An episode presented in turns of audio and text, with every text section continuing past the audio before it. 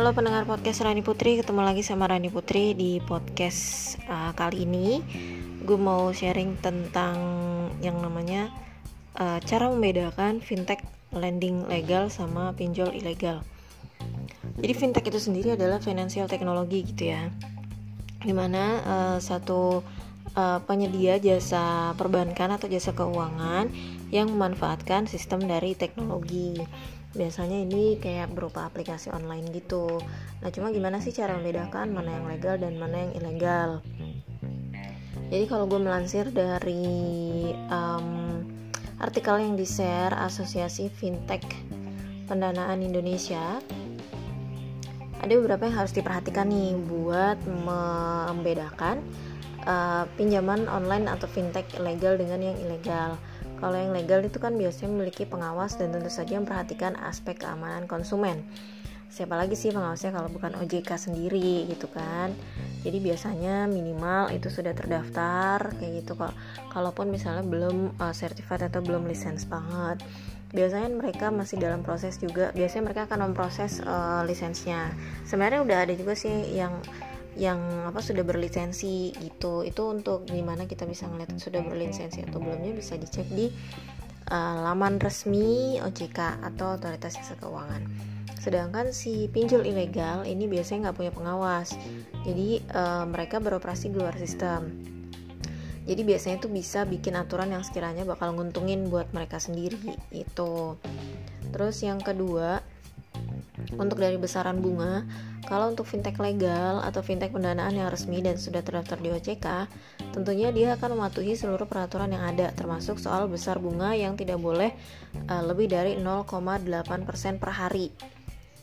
Gitu ya. Jadi kalau di uh, kalau bunga untuk uh, pinjaman online atau financial technology uh, platform itu biasanya harian gitu. Jadi dihitungnya itu per hari. Jadi um, semakin lama tenor yang lo ambil atau jangka waktu pinjaman yang lo ambil ya tentu saja itu akan akan semakin banyak juga bunga yang dikenakan. Karena kan bunganya itu per hari itu bukan bunga bulanan gitu.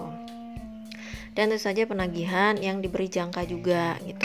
Sekarang untuk pinjol ilegal ini bunga yang dibebankan setinggi tinggi setinggi tingginya dan menerapkan suka hati jadi saat ditawarkan dibilangnya jatuh tempo satu bulan, tapi bisa dalam satu dua minggu uh, sudah ditagih seperti itu.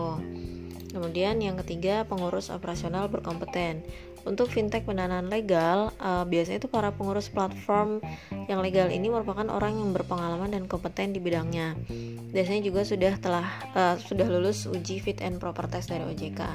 Jadi kalau dari AFP sendiri mereka tuh mengadakan pelatihan-pelatihan atau uh, sertifikasi gitu untuk orang-orang yang um, apa namanya bekerja di uh, platform uh, financial teknologi legal tersebut gitu. Sedangkan kalau untuk ilegal uh, tidak peduli standar yang diberikan OJK jadi pengurusnya juga belum tentu orang yang berpengalaman atau uh, berkompeten seperti itu Berikutnya nih sertifikasi petugas penagih untuk fintech pendanaan legal.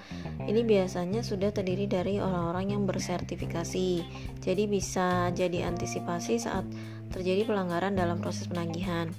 Sedangkan untuk yang ilegal dia tidak memiliki sertifikasi dan sering kali menagih dengan um, apa misalnya ada kurang beretika lah seperti itu.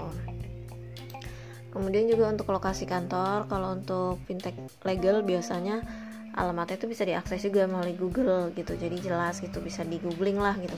Dan kalau yang ilegal ada kalanya tidak apa tidak muncul gitu di Google atau alamatnya tidak jelas gitu untuk terdaftarnya di mana. Untuk syarat peminjaman fintech pendanaan legal ini biasanya ada syarat-syarat yang harus dipenuhi nih. Uh, sebagai salah satu uh, syarat uh, mengajukan pinjaman gitu jadi perlu yang namanya dokumen-dokumen salah satunya juga sebagai kredit scoring sedangkan kalau untuk uh, ilegal itu syaratnya terlalu gampang juga gitu bahkan ketika identitas diri maupun histori kredit kita tuh nggak ditanyain sama sekali gitu Nah, kemudian cara menanggapi pengaduan konsumen. Untuk fintech pendanaan legal, ini biasanya ada sarana dan channel khusus pengaduan yang wajib menindaklanjuti pengaduan tersebut. Biasanya kan kalau yang aplikasinya sudah uh, legal, itu kan biasanya dia akan punya yang namanya hmm, website lah gitu atau selain aplikasi biasanya juga ada website. Jadi kalau udah ada web resmi itu biasanya juga untuk alamat email resminya itu belakangnya sudah bukan Gmail lagi gitu tapi uh, sesuai dengan situs resmi dari lembaga tersebut gitu. Jadi bukan bukan email gratisan juga gitu secara umum. Kayak biasanya untuk yang resmi seperti itu sih dan kalau yang ilegal ini um, biasanya memberikan respon yang tidak baik pada konsumen. Terus juga alamatnya alamat emailnya uh, belum tentu bapak belum tentu menggunakan uh, situs resmi gitu di belakangnya kayak gitu. Jadi masih pakai yang gratisan lah gitu. Kemudian untuk berikutnya nih uh, tergabung dalam API jadi kalau untuk fintech pendanaan legal ini pastinya sudah terdaftar dan berizin maka pasti akan tergabung dalam API. Sedangkan kalau yang ilegal uh, tidak termasuk ke dalam keanggotaan API. Bahkan tidak ada di list terdaftar ataupun berizin yang dirilis di laman resmi OJK kurang lebih seperti itu. Jadi uh, lebih bijak lah gitu dalam hal mengajukan pinjaman gitu kalau misalnya emang nggak kepepet banget gitu. Maksud gue jangan uh, jangan dijadikan daily rutinity aja gitu. Yang namanya um, submitting loan gitu ke online online lender gitu ya. Hal tersebut juga untuk ini sih karena meskipun yang legal sekalipun itu kan tetap ada ketentuan kayak bunganya gitu kan.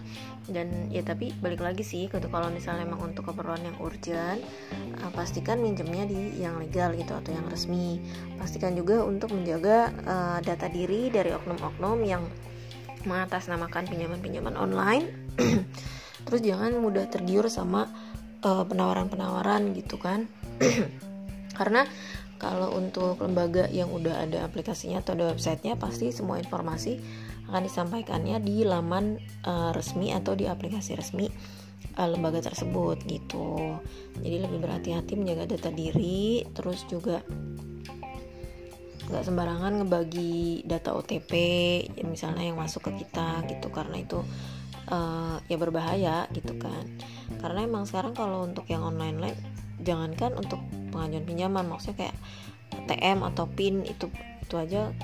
PIN uh, ATM gitu atau PIN uh, rekening bank itu kan pasti semuanya butuh kode ETP jadi kita harus lebih waspada gitu atau lebih berhati-hati menjaga data diri kita.